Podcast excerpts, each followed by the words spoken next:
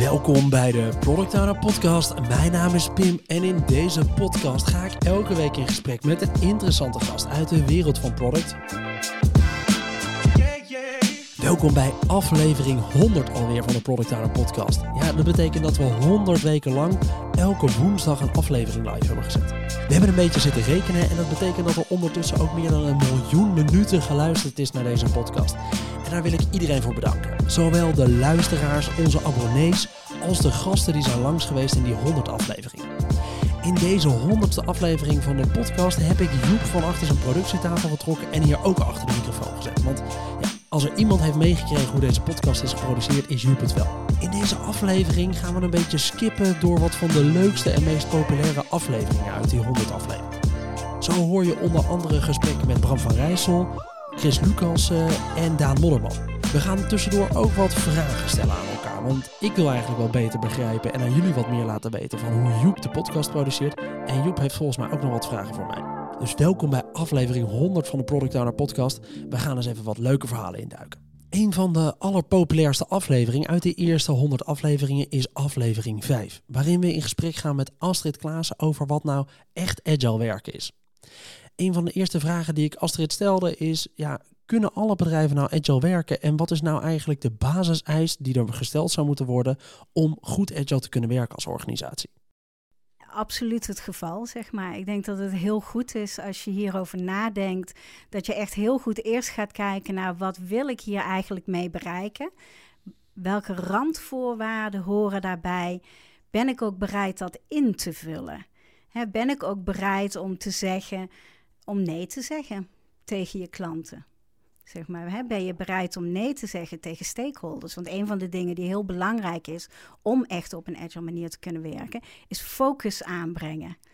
En als jij ja zegt tegen alles, hè, als je dat gewend bent, omdat je graag je klant wil pleasen, ja, dan ga je op termijn eigenlijk uiteindelijk helemaal niks opleveren.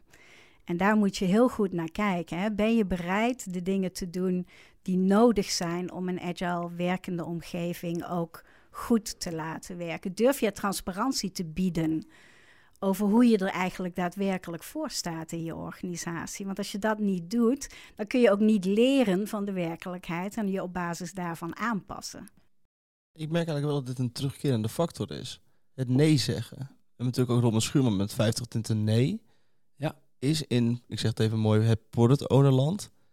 Is het nou echt zo dat het zo vaak moet herhaald moet worden? Zo belangrijk om nee te ja. zeggen.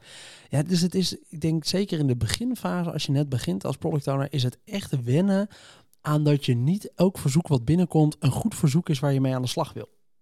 Sommige product owners hebben soms wel het gevoel dat hun backlog wat opdroogt en dan gaan ze eigenlijk ja zeggen tegen alles. Maar het risico daarvan is dat je niet het juiste volgende stapje gaat bouwen. En wat je dus wil doen, is zorgen dat je echt wel een visie hebt. En op basis van ook een goed verhaal en een goede visie, dus ook nee kan zeggen tegen de juiste dingen. Het gaat niet om tegen iedereen nee zeggen. Het gaat er gewoon om dat niet elk verzoek wat bij jou binnenkomt, de juiste volgende stap is om aan te gaan bouwen. Dus ik denk een hele terechte dat die in veel afleveringen weer terugkomt omdat dat gewoon echt een lastig puntje is. Een man die natuurlijk veel praat over nee, je zei net al even Robin Schuurman, maar die heeft hem samengeschreven met Willem Vermaak. En, en was zeker in het begin van mijn periode als product owner een van de meest leerzame boeken die ik, eh, die ik toen heb kunnen lezen. Die hadden we ook in aflevering 10 al te gast van de podcast. Toen we eigenlijk nog maar een paar honderd luisteraars per week hadden, eh, kwam Willem al, uh, al aanschuiven in de podcast. En die vertelde onder andere wat over zijn visie rond stakeholder management. Ja, nou, je zegt het zelf al een beetje, relaties bouwen, dat is volgens mij goud. Ehm, goed nadenken over welke relaties je met wie wil bouwen. Sommige mensen zijn heel belangrijk voor je, dus daar moet je veel tijd in investeren. Dat zijn niet altijd mensen die je leuk of aardig vindt. Dus dan is het ook nog een beetje je eigen ego in toom kunnen houden. Want dat ziet dat in de training ook vaak naar voren komt. En ook in de consulting wat we doen uh, uh, in samenwerking met de mensen. Van ja, je, je moet goed met uh, Jantje gaan samenwerken. Ja, maar Jantje, die is zo moeilijk altijd. Oh, die vent die kan ik niet uitstaan. En dan komen allemaal redenen waarom die heel vervelend is. En wat ik dan vaak hoor is, oké, je, je hebt voor, jezelf ingevuld dat je hem zo vindt. En nu is het je ego die je tegenhoudt om echt ja, een soort stap te maken. Uh, maar ga nou eens aan de andere kant staan. Ga nou eens naast Jantje staan. En kijk eens vanuit zijn ogen naar de wereld. Hoe ziet hij het dan? Uh, waar loopt hij tegenaan? En probeer daar begrip voor op te bouwen. En op die manier wel die relatie te bouwen. Dus ik denk dat dat echt een key component is. relaties bouwen, goed luisteren naar mensen. Um, en ook vooral heel bewust met welke mensen moet ik wel echt een relatie bouwen en die tijdsinvestering doen en welke mensen minder. Want je hebt ook heel veel mensen die vind je heel leuk en aardig. En daar ga je dan dus automatisch veel tijd mee om. Maar misschien helemaal niet mensen die belangrijk zijn voor je product. Ja, dat is dan heel cru gezegd vanuit je productpropositie misschien wel waste. Dat zou zonde zijn. Het zou zonde zijn om je tijd te investeren in de verkeerde mensen. Is wel een uitspraak. Ik vind een heftige uitspraak ergens ook wel. Maar het is wel waar. Dus vanuit een soort uh, goed hart en uh, omdat het gezellig is, uh, ga je alleen maar de gesprekken aan met de mensen die heel leuk zijn. Maar als we heel eerlijk zijn, moet je gewoon heel goed inzichtelijk hebben in welke mensen je in je omgeving tijd moet besteden. En niet met iedereen eigenlijk maar je tijd besteden om de juiste vragen en de juiste punten naar boven te krijgen. Dus ik vind het een, mooi, punt, een mooi puntje van, van Willem. Eentje die daar volgens mij wel op aansluit is ergens uh, Jan Joost. Die we spraken in uh, aflevering 81, de oude VP of Product uh, bij Katawiki. En met Jan Joost hadden we het over de basis van elkaar begrijpen. Het allerbelangrijkste is dat je als team goed samenwerkt. Ja. En um, dan dat, dat, dat, dat komt heel erg neer. Dat kan je niet oplossen met processen. Weet je, het is allemaal leuk, al die agile uh, processen, maar als je elkaar niet vertrouwt, en als je niet het echte gesprek kan hebben met elkaar, dan ga je niet goed samenwerken hoor. De basis van elkaar echt begrijpen zijn dus niet die agile processen, maar gewoon een goed gesprek hebben met elkaar. Het staat elkaar een beetje tegen, maar wat daar goed is om dus eventjes te onderscheiden, is je omgeving en je eigen team. Want als product owner heb je heel veel belang bij je team goed begrijpen. De juiste vragen stellen, de juiste gesprekken hebben. Maar de omgeving buiten jouw team om, hoewel je ook echt wel aan die businesskant moet staan, daar moet je gewoon wat harder tegen zijn. Daar moet je tegen zeggen: oké, hier wil ik wel veel tijd in besteken. Hier moet ik iets minder tijd in steken. Want dit zijn de relaties die ik moet opbouwen om dit echt goed te begrijpen en het juiste product te bouwen met de juiste volgende stappen. Nee zeggen dus. Nee zeggen, ja. Maar nee zeggen op de juiste momenten. En niet nu de verwarring inderdaad die hier dan ergens in zou kunnen zitten... dat je ook nee gaat zeggen tegen je eigen teammembers. Jouw team is iets anders. In je team moet je heel veel tijd steken. Vond jij volgens mij een hele leuke aflevering. als aflevering 69, hè? Ja, dat vond ik wel interessant. Ik heb er zelf voor mezelf... Ik zit natuurlijk minder in Portland. Ik zit meer... Ja, hier bij Portland natuurlijk achter de schermen bij een podcast. Ja. De, maar ik heb bij de aflevering van Daan Molleman... heb ik zelf heel veel les voor mezelf kunnen, eruit kunnen halen. Ook buiten werk om, zeg maar. Een privéleven. Ja. Bijvoorbeeld een les die ik eigenlijk bij Daan Molleman heel erg eruit heb gehaald... is uh, toen hij uitlegt van hoe stel je nou de goede vragen en wat is de reden waarom je sommige vragen stelt. Ja, soms wil je gewoon eigenlijk een vraag stellen omdat je zelf ook iets wil uitleggen of wil beantwoorden in plaats van omdat je iemand echt wil begrijpen. En dat was het onderwerp van die aflevering. En dit is wat Daan daarover zei. Kijk, ik kan natuurlijk een aantal voorbeelden geven van, uh, van wat aan zich goede vragen lijken. Maar om even één stap terug te doen, is als je een vraag stelt, van waaruit stel je eigenlijk die vraag? Stel je die vraag omdat je eigenlijk, stel je die vraag voor jezelf of stel je die vraag omdat je de ander eigenlijk beter wil begrijpen? Ja, zoek, stel je hem omdat je eigenlijk bevestiging wil voor je eigen gedachten? Precies. Of omdat je op zoek bent naar wat die ander nou eigenlijk als mening heeft? Precies. En die ander, die gaat dat voelen. Die weet dat. Die weet of jij vragen voor jezelf stelt. Of als je vraagt van, hé, hey, uh, ja, maar wat, wat bedoel je daar nou eigenlijk mee? Zou je me daar nog meer over willen vertellen? Ja. Dan kan die ander eigenlijk keuzes maken in wat hij of zij gaat vertellen. En dan heb je dus oprechte interesse. Vragen zijn namelijk enorm, daar kan je enorm mee sturen. Waarmee kun je sturen met je vraag? Hoe stuur je met je vraag? Um, even kijken, om een, om een voorbeeld te geven. Uh, als er zich bijvoorbeeld een, uh, een, een probleem afspeelt op het werk, uh, dan kun je natuurlijk vragen van, hé, ja, maar hoe, hoe heeft dat uh, kunnen ontstaan? Uh, wie is daarbij betrokken? Waarom is dit, uh, waarom is dit gebeurd? hoe lang is dat geleden? Het zijn allemaal hele gedetailleerde ja. vragen ook. Um, je kunt ook naar de ander toelopen en, een, en meer een open vraag stellen van... hey, ik merk dat, dat we hier... Er is iets gebeurd. Ja. Zou je er iets over willen vertellen? Dan la, dat is een hele open vraag waarbij je de ander eigenlijk de keuze laat om te vertellen. Ja waarbij je dus nog niet stuurt. Maar in sommige situaties kan het juist ook heel handig zijn om te sturen. Want als bijvoorbeeld in een management meeting, als we daar zitten en je merkt dat het alleen maar over, ik zeg, een simpel voorbeeld, gaat alleen maar over de financiën. Ja. Dan zou jij dus het, het gespreksonderwerp in die meeting kunnen wijzigen van hé, hey, we hebben het veel over financiën. hebben we eigenlijk al nagedacht van over ons vijfjarenplan. Ik zeg maar een gek voorbeeld. Ja. Of over wat is eigenlijk de impact uh, op, onze, op onze stakeholders. We kijken nu alleen maar naar de resultaten. Bam, je, je wijzigt eigenlijk een onderwerp ja. binnen, een, binnen een meeting. En daarin kan je dus zelf uh, richting aan gaan nemen. Of richting gaan bepalen. Ja, wat ik er dus wel mooi in is, wat, wat Daan vertelt, is ook wel iets waar ik mezelf wel eens op betrap. Ik wil nog wel eens een vraag stellen, omdat ik zelf iets wil vertellen. Misschien hier wel in de podcast, maar ook wel gewoon in mijn normale werk. En eigenlijk is dat heel erg fout, want dat betekent dat je afstapt van het echt willen luisteren en begrijpen van een ander en veel meer gaat naar, oh, ik heb eigenlijk wel de neiging om dit te vertellen, maar als jij nu dit even eerst vertelt, dan geef ik mezelf een beetje de ruimte. Daarnaast bedoelt hij de kracht van het stellen van de juiste vraag op het juiste moment. Waarmee je zonder dat je per se een overtuiging van jezelf probeert te vertellen, je benadrukt welke richting we eigenlijk op zouden moeten gaan. Nu we het al over een paar van die basiseigenschappen hebben gehad, moeten we misschien eens even weggaan van dat gesprek met de buitenwereld en eventjes gaan naar wat maakt jou nou een goede PO. In aflevering 30 gingen we met Job de Laat in gesprek over hoe word je nou überhaupt product owner. Misschien voor de wat meer ervaren PO een beetje een random vraag om beantwoord te krijgen, maar als je nou net wil starten, wel een hele nuttige aflevering. Ik stelde Job de vraag, wat maakt nou een goede PO? Ja, ik denk dat we een aantal van die dingen, die, die noemde ik eigenlijk net al aan het begin van het Ja. gesprek. Dus die uh, beetje dat, dat ondernemende, assertieve. Ja, Ja, je beetje je mannetje staan. Ik zie mezelf wel een beetje als het, ehm, het uithangbord van het team eigenlijk. Hè. Als mensen iets van mijn team willen, dan komen ze bij mij. Dus ik houd hen uit de wind, zeg maar. En eh, ben eigenlijk het aanspreekpunt voor iedereen. Nou, daar moet je comfortabel mee zijn, denk ik. Dus je moet wel communicatief zijn.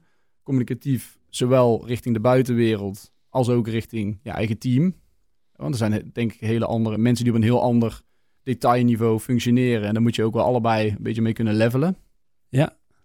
Dus dat is denk ik ook belangrijk. Ehm, besluitvaardigheid is denk ik ook belangrijk. Hadden we het net ook al even over. Ehm, ik denk zeker uh, wat ik in de praktijk veel zie binnen mijn team... is dat uh, ontwikkelaars, analisten, UX zijn echt specialisten. En die, zijn vaak, uh, ja, die gaan vaak veel meer de diepte in dan jij. Jij zei net ook al, ik ben echt een generalist. Ja, dat ben ik zelf ook. En ik denk dat je die communicatieve skills en analytische skills eigenlijk met je samen moet brengen. Om te zeggen van oké, okay, jullie hebben, ik heb al deze input van al deze specialisten. Nu moet er een besluit genomen worden. Zo gaan we het doen. En iedereen draagt dat. Die draagt dat, die, dat stukje visie mee. Ja, ja precies. Want dat is het wel. Je, je kan wel de keuze maken, maar ja, het hele team moet het wel eens zijn met die visie uiteindelijk. Ja, correct.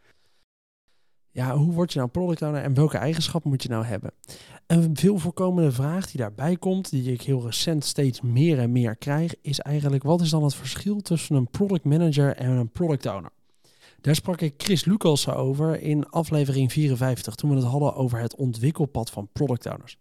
En Chris gaf het volgende simpele statement. Ja, heel, heel simpel. De, de makkelijkste vergelijking die je daar kan geven is Ja. een, een, een product owner is een product manager die Scrum doet. Juist. Ah, oké. En de gedachte erachter is, product management is het vakgebied. Ja, bestaat al sinds, eh, ik geloof, 1912. ja, Ehm, ik ben nou even kwijt welk een bedrijf het was. Ik dacht Procter Gamble. Die, eh, die merken dat voor het maken van het producten heel veel mensen in een organisatie mee bezig zijn en ze allemaal een beetje tegen elkaar inwerken. ja. En die introduceren dan het concept van brandman. En brandman zijn de mensen die verantwoordelijk zijn om al die afdelingen bij elkaar te brengen en te zorgen dat er één iemand, de kop van Jut of de, ja. eh, de gelukkige koning van het product is. Je zou kunnen zeggen misschien wel de eigenaar van het product is. Maar Ja. zij noemen dat brandman. En die brengen dat allemaal bij elkaar en zorgen dat die, die communicatielijnen binnen de organisatie goed lopen. Dat er maximaal wa- waarde gecreëerd wordt. Nou, als je dan een stukje vooruitspoelt tot na de Tweede Wereldoorlog, dan zie je dat er heel veel specialisatie ontstaat. Met name door technologische veranderingen. Ehm, en dan krijg je een soort versiloing. Waarbij je IT zich vooral met IT bezighoudt, engineering met engineering, marketing met marketing. En praten heel weinig met elkaar. Ik weet nog dat in mijn eerste baan was ik programmeur. Eh, en testing zat in een ander gebouw. Mensen die in Scrum team zitten, mag je je voorstellen. En dat gebouw konden we ook niet zomaar in. Ja. Ze wouden niet te veel met ons te maken hebben. Nou, dat is ondenkbaar nu.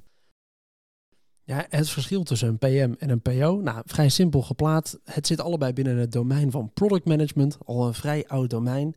En PO is de titel die daaraan hangt volgens Scrum. En met name binnen bedrijven waar Scrum gewerkt wordt, dus wordt de titel PO gebruikt. En op steeds meer plekken veranderen ze dat dan ook weer even naar PM. Nou, we zijn er ondertussen wel achter dat het eigenlijk altijd dezelfde soort mensen zijn met dezelfde eigenschappen. En een van de belangrijke eigenschappen daarbij is het stukje ownership nemen. Want ook als product manager wordt er van je verwacht dat je een bepaalde mate van ownership neemt. Daar sprak ik Jochem Nui, onze eigenaar van, ja, oprichter van productowner.nl over in uh, aflevering 45 van. Ja, waar begin je nou als je geen mandaat hebt en geen ownership kan nemen over de juiste dingen binnen het bedrijf? Ik zou beginnen met zelfassessment. Dus teken een cirkel, uh, zet erin mandaat, visie, tijd, budget en geef jezelf een rapportcijfer. Van 0 tot 10. En begin of met degene waar je het allerbest in bent en maak dat nog sterker. Maar als er echt een dikke onvoldoende bij zit, dan moet hij eerst naar een voldoende toe. Dus stel je hebt echt een probleem met tijd, dan ga je dus daar beginnen.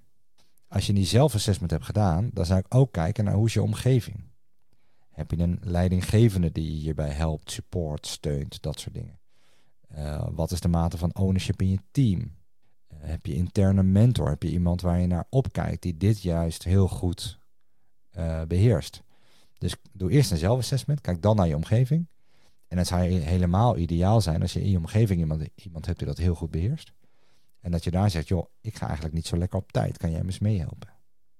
Dus zo zou ik beginnen en dan ga je bepalen waar de actie moet liggen. Nou, als je niet weet hoe je een productvisie moet bouwen, daar zijn gewoon letterlijk trainingen voor. Ook bij ons, maar dat is niet het punt wat ik wil maken. Er zijn gewoon trainingen voor uh, die je online kan vinden. En dat kost je dus ergens daarna nog 40 tot 60 uur en dan heb een productvisie. Kom je tijd tekort, ja, dan zou ik echt eens een week mijn agenda van kwartier naar kwartier gaan uh, bijhouden.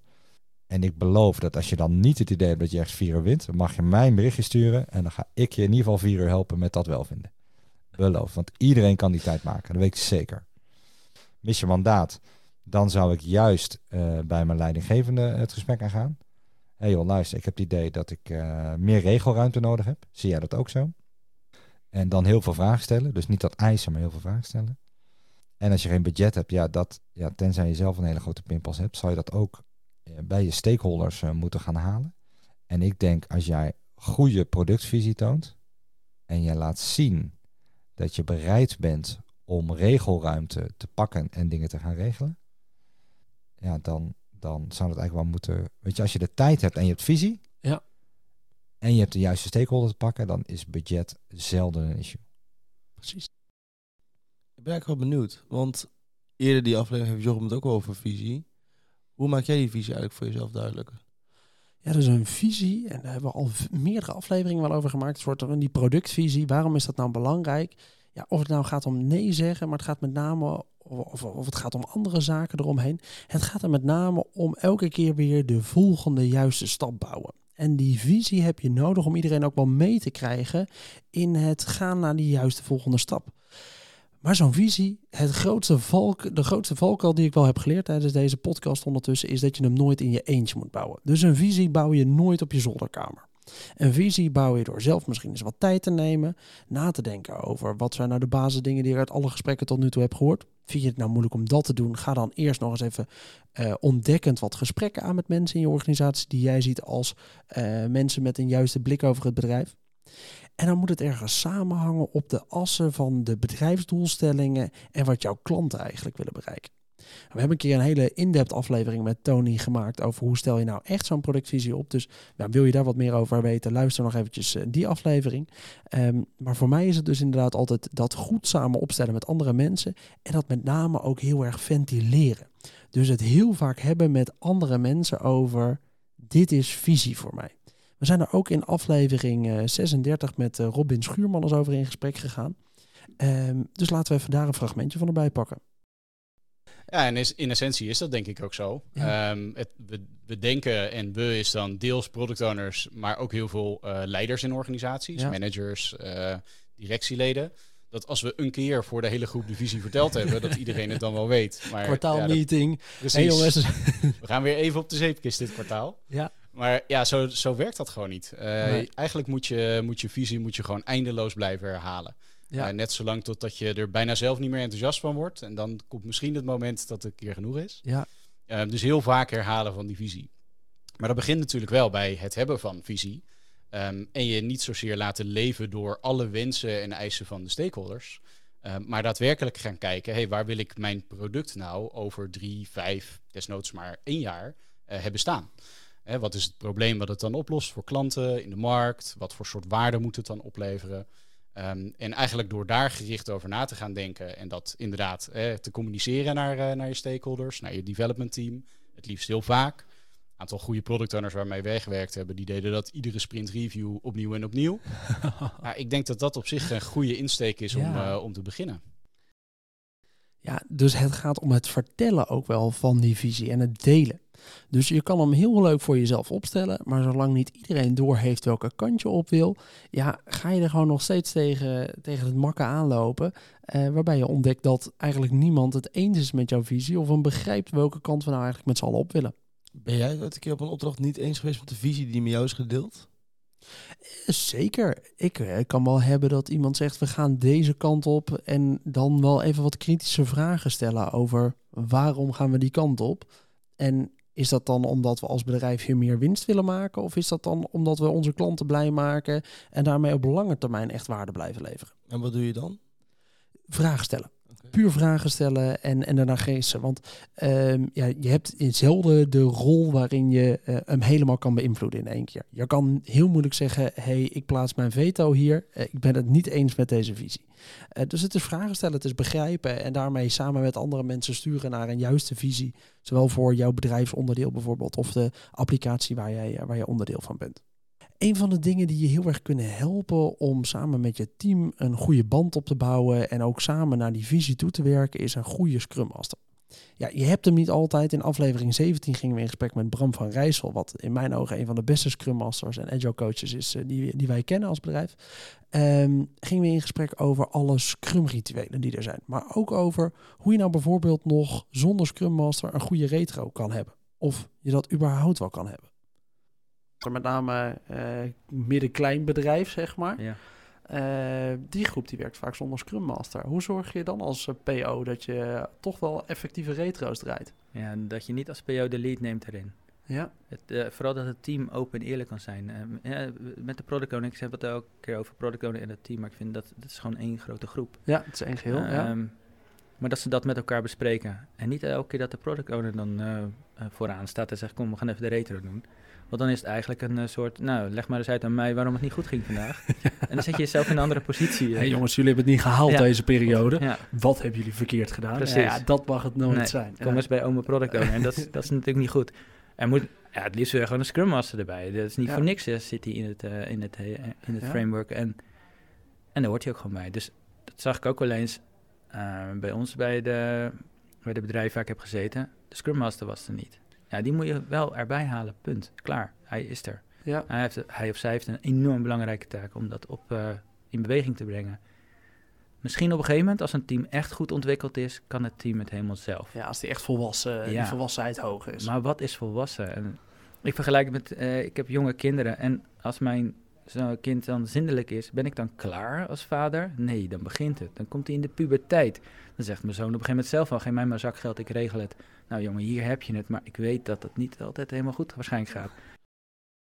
Ja, wat je hier hoort is trouwens ook nog het achtergrondgeluid van onze oude studio. Ja, mensen hebben het misschien niet doorgehad als luisteraar, maar we zijn ondertussen in, in de derde studio aanbeland uh, met de, met de Product Owner podcast. Waar we begonnen met onze opnames op de locatie van de Breda University. Uh, in hun radiostudio, waar je dus ook nog wel het achtergrondgeluid hoorde van alle leerlingen die daar rondgingen door het gebouw. Uh, hebben we eerst in een hele kleine studio gezeten. Met name de, de gasten zullen het wel weten dat ze die afleveringen zaten op te nemen in onze keuken. Uh, waar je eigenlijk gewoon de broodkar met, met het beleg zag staan voor je neus. Nog net niet met het tostiapparaat heeft tussendoor gebruikt. Ja, ja dat, het was nog net even wachten totdat een collega niet daar nog wel wat, wat water zou komen pakken. Ja, en ondertussen hebben we eindelijk een beetje een, een fatsoenlijke studio. Uh, maar ja, die moeten we, moesten we wel even verdienen met wat afleveringen. Mis het koffiezetapparaat wel op de achtergrond. Was toch altijd wel een gezellig geluid. Hey, een van de dingen, als we het toch over Scrum Masters hebben, was een aflevering met Nancy en Irma. En toen hadden we het over spelen op de werkvloer. Ja, ik reageer er zelf altijd een beetje licht allergisch op, omdat ik denk, ja jongens, doe nou niet zo kinderachtig. Maar in deze aflevering werd ik langzaamaan zelf ook wel enthousiast over wat je eigenlijk kan als je op een goede manier spel terugbrengt in je werkleven. Ik ben daar eigenlijk wel benieuwd. Heb je uiteindelijk nog een energizer gebruikt? Nee, energizers ga je mij nog steeds niet zien doen. Nee, nee, nee. nee dat, uh, sommige luisteraars denken nu, ja, leuk, ik heb echt goede energizers, maar ja, voor mij zijn ze nog steeds heel lastig om goed te doen. Een van de leuke voorbeelden die zij gaven in de aflevering vond ik wel een leuke. Ik heb hem nog niet gedaan, maar ik zou hem nog wel eens willen doen. Nou, ik denk dat wel veel van die, van die kleine dingetjes zijn al, zijn al heel, heel praktisch toepasbaar. Maar inderdaad gewoon uh, op een slimmere manier kijken van hoe kunnen we Um, dus eh, ik weet niet, heb je ooit van Liberating Structures gehoord? Dat zijn ook hele mooie werkvormen. Oké, eh, om eens op een andere manier naar je eigen product ook te kijken als product owner met je team. Dus wat ik bijvoorbeeld heb gedaan bij Mursk, daar heb ik gezeten als, als Scrum Master dan weliswaar. Uh, is, jongens, we willen voor de kerst het bedrijf failliet hebben. Wat gaan we doen? dan laat je mensen daar mee spelen met die gedachten in, in groepjes. Ja? Oké, we willen echt gewoon, nou, misschien nog wel eerder. We hebben de laatste ook bij een bedrijf gedaan. Dat zeiden, binnen twee maanden willen we jullie failliet hebben. Uh, wat gaan jullie doen? En uh, de slag die je er dan overheen maakt, prima. Nu hebben we een hele mooie overzicht gemaakt van alle dingen die wij gaan doen om failliet te gaan. Welke dingen doen wij vandaag? En kijk nog eens naar die lijst. En op die manier kun je ook weer op een andere manier kijken naar uh, de value die je levert, denk ik, met je product wat je aan het bouwen bent. Ja. En dus ook um, ja, op een creatievere manier de pijnpunten uh, uit je team te lichten als product owner. Om te kijken van nou, welke dingen kunnen we gewoon uh, slimmer gaan aanpakken. Je hoeft niet harder te werken, maar hoe kunnen we het slimmer doen? Ja. Leuke oefening om dus gewoon eens even met je team te checken. Ja, wat zouden we nou moeten doen om failliet te gaan en wat doen we daarvan nu al? Hoe kan ik mijn bedrijf slopen? Ja, maar dat zorgt wel dat mensen op een andere manier inderdaad gaan kijken naar je huidige service. Want heel vaak doen we beschermend over hetgeen wat we zelf hebben gebouwd. Met name engineers hebben natuurlijk als ze het gevoel hebben, ik heb hier zelf aan gewerkt, dan moet het wel goed zijn. Uh, ja, maar heel vaak zit er eigenlijk wel iets achter. Het feit van ja, is het nou op de goede manier? En als we er nou naar kijken, doen we het dan eigenlijk wel op de goede manier? Er is alleen één heel belangrijk dingetje als je begint met dat spelen op je werk. En dat is het volgende, namelijk de grote valkuil die zou ik benoemde het aller, allerbelangrijkste is dat je niet zomaar een spelletje speelt. Dus het, het, je speelt een spel, je doet een, een werkvoer met, uh, met een idee erachter. Je wilt namelijk de vertaling maken naar de werkvoer. En dus de debrief, dus achteraf kijken van hoe maak je nou de vertaling van het spel naar jouw werksituatie of naar jouzelf. Dat is het aller, allerbelangrijkste van een serious game. Oh. Omdat je, je, en zei het helemaal aan het begin al, je legt een vergrootglas erop. Dus mensen laten hun natuurlijk gedrag zien. Uh, dus als jij heel fanatiek bent, dan zul je dat laten zien. Uh, ook in het spel wat je speelt uh, op je werk. Ja. En dus de vertaling van dat fanatisme, zie je dat terug ook in jouw werk. Dat meteen ergens bovenop duiken, is dat iets wat je alleen in het spel doet? Of hoe kun je dat terugvertalen naar het werk? Uh, dat uh, even afwachten, uh, een veilige keuze maken, is dat iets wat je terug ziet in je werk. Dus dat is echt, echt, de debrief vergeet dat niet. Dat is echt het allerbelangrijkste. Volgens mij hebben we ondertussen een flink aantal van die tips eigenlijk kunnen verzamelen uit al die afleveringen. Ik vind het ook leuk dat jij een keertje aan de andere kant van, uh, van de studio zit. Om je gewoon achter de microfoon hier te hebben, Joep. Leuk. Um, we gaan volgens mij eens even iets verder nog richting echt dat specifieke PO-stukje. Want ja, waar moet je nou aan denken als je als PO wil blijven groeien, wil blijven leren? Wat zijn dan nou belangrijke dingen? Nou, we hadden onder andere Tony van Driel, onze grote trainer hier intern, uh, te gast in aflevering 39 om het te hebben over ja, blijven groeien als PO en blijven leren. En een van de belangrijkste tips die hij mensen altijd wil geven is. Wat er eigenlijk op neerkomt is, uh, als je gaat darten en je, je gooit niet eens op het bord raak, maar je, je, je mist drie keer, ga niet stoppen. Denk dan niet, ik kan niet darten. Nee, volgens mij vraagt dat om, ga nog een paar keer uh, uh, door. Het is altijd nog beter dan niet eens een pijl gooien. Dus, dus ga aan de slag. Dus wat ik merk is dat, maar dat zit ook een beetje in mijn aard. Ga, ga gewoon doen. Als je nog nooit een user story hebt geschreven, begin maar met schrijven. Je komt er vanzelf achter dat je niks weet. Of dat je te weinig weet. Of dat je van de techniek niks weet. Nou, dan ga je op pad. Als je je kennis niet hebt. Maar daar kom je alleen achter door... Ja, ik pak een pen en papier. Ik ga mijn eerste user story even schrijven. Ja, wat moet er gemaakt worden? Ja, Google. Wat moet er, wat moet er in een user story? Ja, hoe schrijf ik dat in ja. godsnaam? Ja, nou, en dan komt hij. Dus het eraan beginnen betekent waarschijnlijk ergens vastlopen en dan door. Ja. Dat is, ik denk dat daar de, de grote kunst zit. De belangrijkste tip is, blijf niet hangen in die onzekerheid dat je het nog niet kan, maar begin gewoon met Ja. Dit meest- soort dingen en kijk dan eens waar je vastloopt. Vraag het in je omgeving of ga dan inderdaad op zoek naar iets van een training of van een les of van een online workshop of een artikel of een podcast. Ik weet niet hoe jij die podcast wordt eh, eh, de eerste hebt gedaan, maar volgens mij was het niet zo. Oké, ik heb, ik weet nu alles. Ik heb duizend keer geoefend en nu eh, zet ik mijn eerste podcast op. Volgens Nee. mij ben Ja, dat is eigenlijk wel een grote grap natuurlijk. Want hij zegt hier, ja, ik weet niet hoe je ooit met de podcast begon. Maar ja, honderd afleveringen geleden begonnen we met de podcast echt zonder enig idee. Met als enige strekking, ja, we weten dat we het 50 keer gaan doen. En elke week een aflevering live gaan zetten. Ja, en als ik mezelf ook weer terug hoor in de eerste afleveringen, dan denk ik echt, oh, dit is wel een andere manier van vraagstelling. Vond ik ook wel grappig. De eerste paar afleveringen heb je echt wel die vraag gesteld. En dan... Ja, dat was een vraag om ook een verhaal eruit te halen, volgens Ja. mij. En toen, op het einde zie je gewoon zoveel meer. Dat het echt een geïnteresseerde vraag is. Maar ook gewoon, ja... Ja, dan heb ik ondertussen, krijg ik het kunstje van vragen stellen iets meer door. Maar wat je dus ziet, is dat mensen nog steeds, als ze beginnen met luisteren naar deze podcast, dat ze naar aflevering 1 terugscrollen. Dus nou, ik hoop dat mensen voortaan bij aflevering 100 beginnen dan bij aflevering 1. Maar ja, eh, uiteindelijk is het ook dat nog steeds wel grappig om, eh, om terug te halen en nog steeds wel een nuttige aflevering. Dit gaat eigenlijk allemaal over blijven groeien. En waar we met Tony het hadden over waar begin je nou, hadden we het op een gegeven moment met Chris Lucas over wat is nou de tip om te blijven groeien. En ik denk dat het in lijn is met wat ik eh, bij, bij die laatste zei. Dus vind andere product owners. Ja. Ehm, en dat is super grappig. Ik, ik train best wel veel mensen. En als je Scrum Master getraind hebt en je spreekt ze een half jaar later, dan hebben ze elkaar allemaal opgezocht en een community of practice gemaakt. En elke vrijdag hebben middag hebben ze het benen op tafel en dan wisselen ze kennis uit. En, en dat is een heel natuurlijk gedrag voor Scrum Masters. Product owners zijn altijd druk. Ja, ik moet, moet, doe even geen tijd voor. Ik moet nog, eh, ik moet nog presentatie voorbereiden en cijfers. ja. En ja, ja, vriend, maar als jij geen tijd maakt voor je ontwikkeling, niemand anders gaat dat doen. Nee. Dus tip 1 is, vind andere product owners in je organisatie en Ja. schrap een blok uit je kalender. Ja. Eh, want ik weet ook dat die van jou helemaal vol zit. Dus schrap er een blok uit en zeg één keer in twee weken, eh, de, de woensdagmiddag, Neem ik even tijd. neem ik twee uur en dan gaan we, nee, nemen wij twee uur en Ja. gaan we iets doen. En dat kan zoiets zijn als een, eh, voor mij doe je een boekclub, eh, je doet een presentatie. eh, Ja. er is altijd een soort kalender van onderwerpen waar je aan wil werken. Ja. En we gaan zelf met elkaar die kennis delen.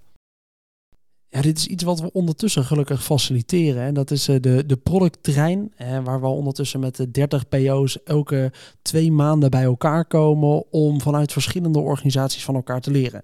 Ik mocht onlangs bij een van die sessies zijn, die eh, werd gehost eh, bij KLM en toen hadden we het over Discovery. En in aflevering 80 hadden we het daar ook over met Okkie. Dat vond ik een van de toffe afleveringen om beter te begrijpen wat een onderdeel is wat voor veel PO's soms ondergesneeuwd is. Dat is namelijk discovery en validatie. Eerst eventjes de basisuitleg van Okkie. Ja, discovery, het is eigenlijk een term die ik pas later leerde kennen. eh, toen ik eigenlijk al heel veel dingen deed die je nu als discovery zou bestempelen. Ehm, maar wat ik eronder versta is eigenlijk een soort van uitvogelen. Wat nou de belangrijkste problemen zijn die je probeert op te lossen. En dan te ontdekken, letterlijk discovery, wat de oplossingen daarvoor zijn. Ja. En ook te toetsen of dat goede oplossingen zijn. Voordat je daadwerkelijk overgaat tot het op een schaalbare manier eh, eh, bouwen. Ja. Je hebt die, ja, ik denk dat veel mensen wel kennen, weet je al, ehm, ehm, eh, build the thing right en build the right thing. En Discovery gaat vooral over build the right thing. Ja. En delivery, tussen aanhalingstekens, gaat dan over build the thing right. Overigens vind ik niet dat dat twee aparte dingen zijn die na elkaar zijn altijd. Nee. Ik vind dat dat, dat, dat, dat, dat, gaat hand in hand. En dat gebeurt ook door dezelfde groep mensen, wat mij betreft. Ehm, maar het wordt ook wel eens eh, ja, vergeten of, of ja, het krijgt niet altijd de aandacht die het zou eh, verdienen. Ja, dat was een mooie basisuitleg van Discovery. Maar een van de dingen die me is meest blijven hangen uit die aflevering is iets wat ik nog steeds vrij veel quote. En dat is wel wat Okkie me iets later in de aflevering vertelde. Dat gaat namelijk over dat je er niet vanuit moet gaan dat jij het bij het juiste eind hebt, maar dat je het bij het verkeerde eind hebt. En weet, oké, ik heb een idee of iemand anders heeft een idee. En dat zou zomaar niet een goed idee kunnen zijn of dat zou zomaar niet kunnen kloppen. Dan ga je jezelf afvragen, maar wat moet ik dan weten om te toetsen of het wel klopt wat ik vind? En dan Ja. Dan kom je tot, tot, tot hypotheses. En dan is de truc om uit te vogelen hoe je die, die aannames die je doet, of iets waarvan je denkt uh, dat is sowieso een goed idee, om die dan vervolgens met experimenten die niet al te veel tijd en moeite kosten, maar wel waardevolle informatie bieden, te gaan toetsen. En ja, dat klinkt vrij abstract, maar. Um, Hoe doe je dat zelf? En eh, om het even uit het abstracte en meer naar het praktische ja, te brengen? ja, ik vind het, het, ik vind altijd belangrijk als je een idee hebt of met een project bezig bent of een bepaalde doelstelling en je komt tot een aantal ideeën, dat je op een gegeven moment komt er een punt waarop je de eh, dat heb ik niet zelf bedacht. Dat komt van Marty Kagan, onze grote guru. De, de, de, vier belangrijkste risico's ja. gaat opschrijven. En dat je gaat bijna met jezelf en met de groep gaat brainstormen. Oké, welke risico's moeten wij uh, toetsen? Ja, dus de risico's die je moet analyseren. En dat je ervan uit moet gaan dat je het dus bij het verkeerde eind hebt als jij een hypothese schrijft. Geen aannames doen ook. Geen aanname doen, want ja, aannames is eigenlijk hetgeen wat, uh, wat ons vaak op het verkeerde been zet.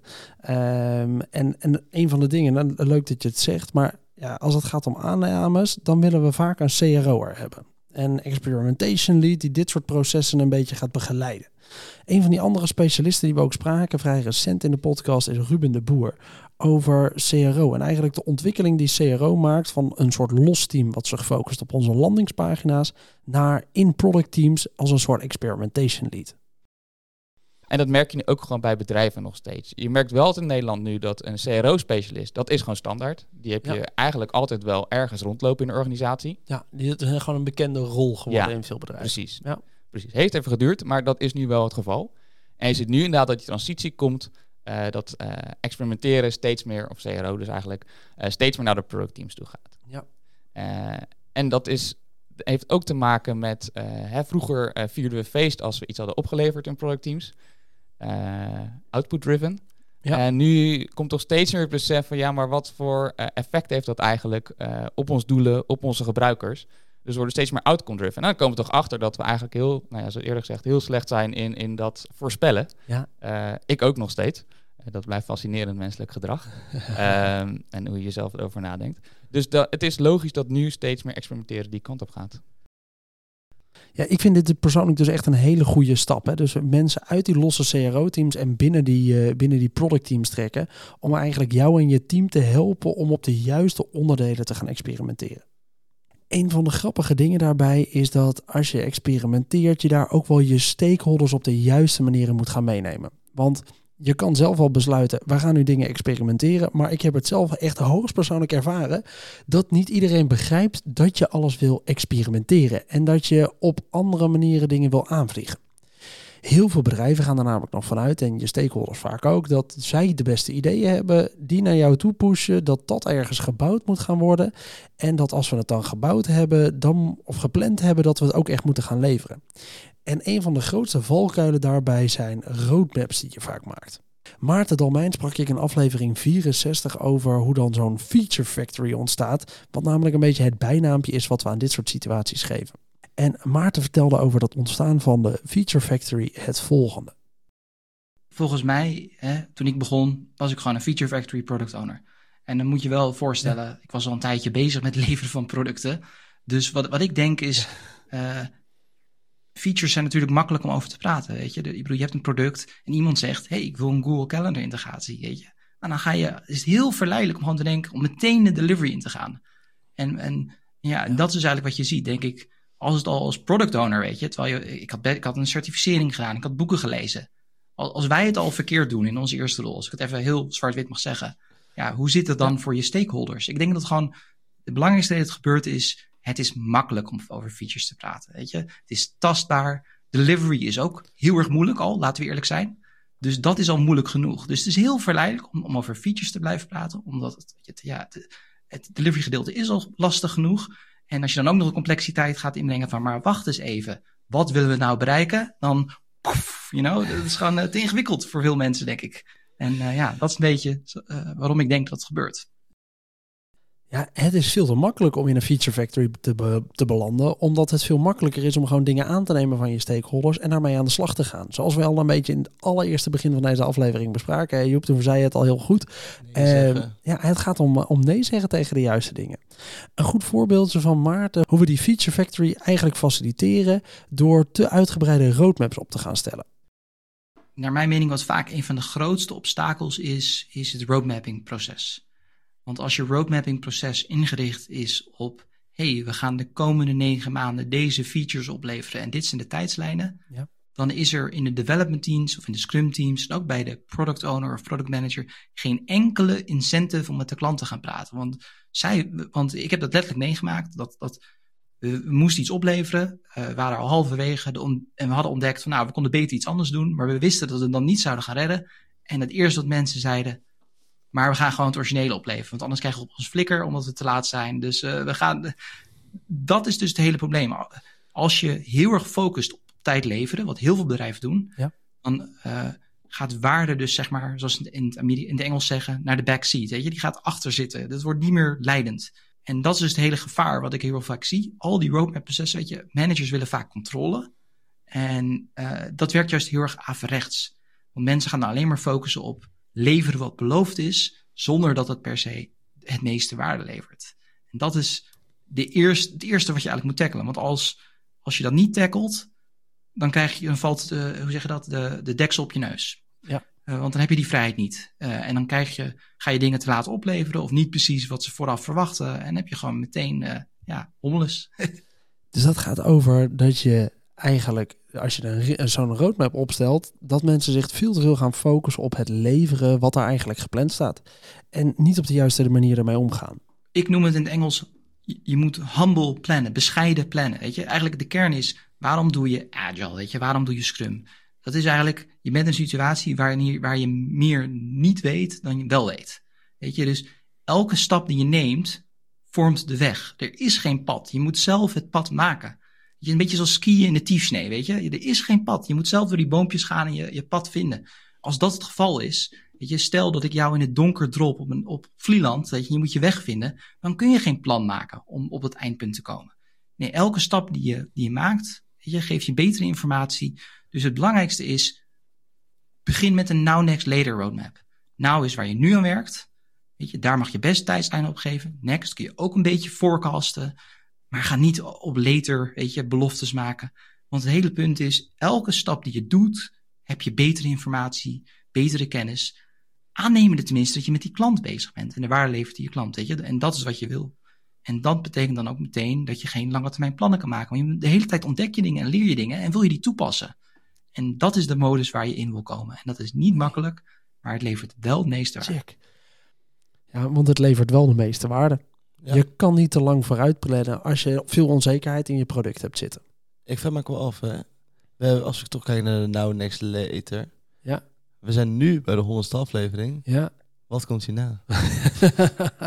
ik, vind het, ik vind het een mooi bruggetje, Joep. Maar ja, we hebben honderd afleveringen gemaakt. En ik dacht weer, ja, bij honderd kappen we. En, en stiekem, zonder dat ik het door had, hadden zich alweer zoveel leuke gasten aangedragen. dat we ondertussen alweer aan het plannen zijn bij aflevering 108. Ja, en nou zitten we er toch weer een beetje aan vast. Dus in de komende tijd zullen we steeds vaker weer wat dingetjes experimenteren. Kleine veranderingen, kleine testjes. Om te kijken wat jullie ervan vinden. Eh, maar het allerbelangrijkste om de beste podcast te blijven maken van Nederland. is toch wel ook de feedback krijgen van alle luisteraars. Dus ja, heb je ideeën en dingen die je graag wil voorbij uh, zien komen in de, in de podcast? Ja, blijf me berichtjes sturen via LinkedIn. Dat is toch eigenlijk de makkelijkste manier om met elkaar uh, hier, hiervan te blijven leren. En van die honderd afleveringen, ja. wat is nou jouw ene les die jou het meest is bijgebleven? De ene. Nou, er zijn gewoon met name heel veel quotes die ik uit de podcast haal, die ik in mijn dagelijkse processen nog steeds gebruik. En ik denk dat we er vandaag echt een hoop voorbij hebben horen komen. Onder andere net die van Maarten Dalmijn, waar we het hebben over dat hoe meer je plant, hoe minder je met je gebruikers in gesprek gaat. Maar ook de dingetjes zoals waar Okkie vertelt dat je ervan uit moet gaan dat je het bij het verkeerde eind hebt al dat soort dingen gebruik ik eigenlijk nog steeds in mijn, in mijn dagelijkse werk als, uh, als product owner. Dus ja, voor mij was het ook een, een mooie leerzame reis, die, eh, die 100 afleveringen. En wat mij part, kunnen we eigenlijk nog wel een dag zo doorgaan met mooie snippets uit die afleveringen halen. Maar misschien moeten we er gewoon een einde aan breien en was dit aflevering 100 van de Product podcast. Ik wil iedereen bedanken die we hier te gast hebben gehad. Of je nou voorbij kwam hier in de snippets vandaag of niet. Jullie hebben allemaal een mooie bijdrage geleverd aan de grote leerreis van heel veel product owners en product managers in Nederland. Dus ben je een gast geweest, heel erg bedankt. Maar ook als luisteraar, als abonnee, ik wil jullie enorm bedanken voor ondertussen het passeren van meer dan een miljoen luisterminuten naar deze podcast. En nou ja, mijn belofte staat, ik ga er weer eventjes mee door. Joep, jij ook heel erg bedankt voor de productie hier van de podcast. En ik vond het leuk om je ook een keertje naast me achter de microfoon te hebben. Ook bedankt, Pim. Oké, en dan hoop ik dat jullie de volgende keer weer luisteren. Tot dan!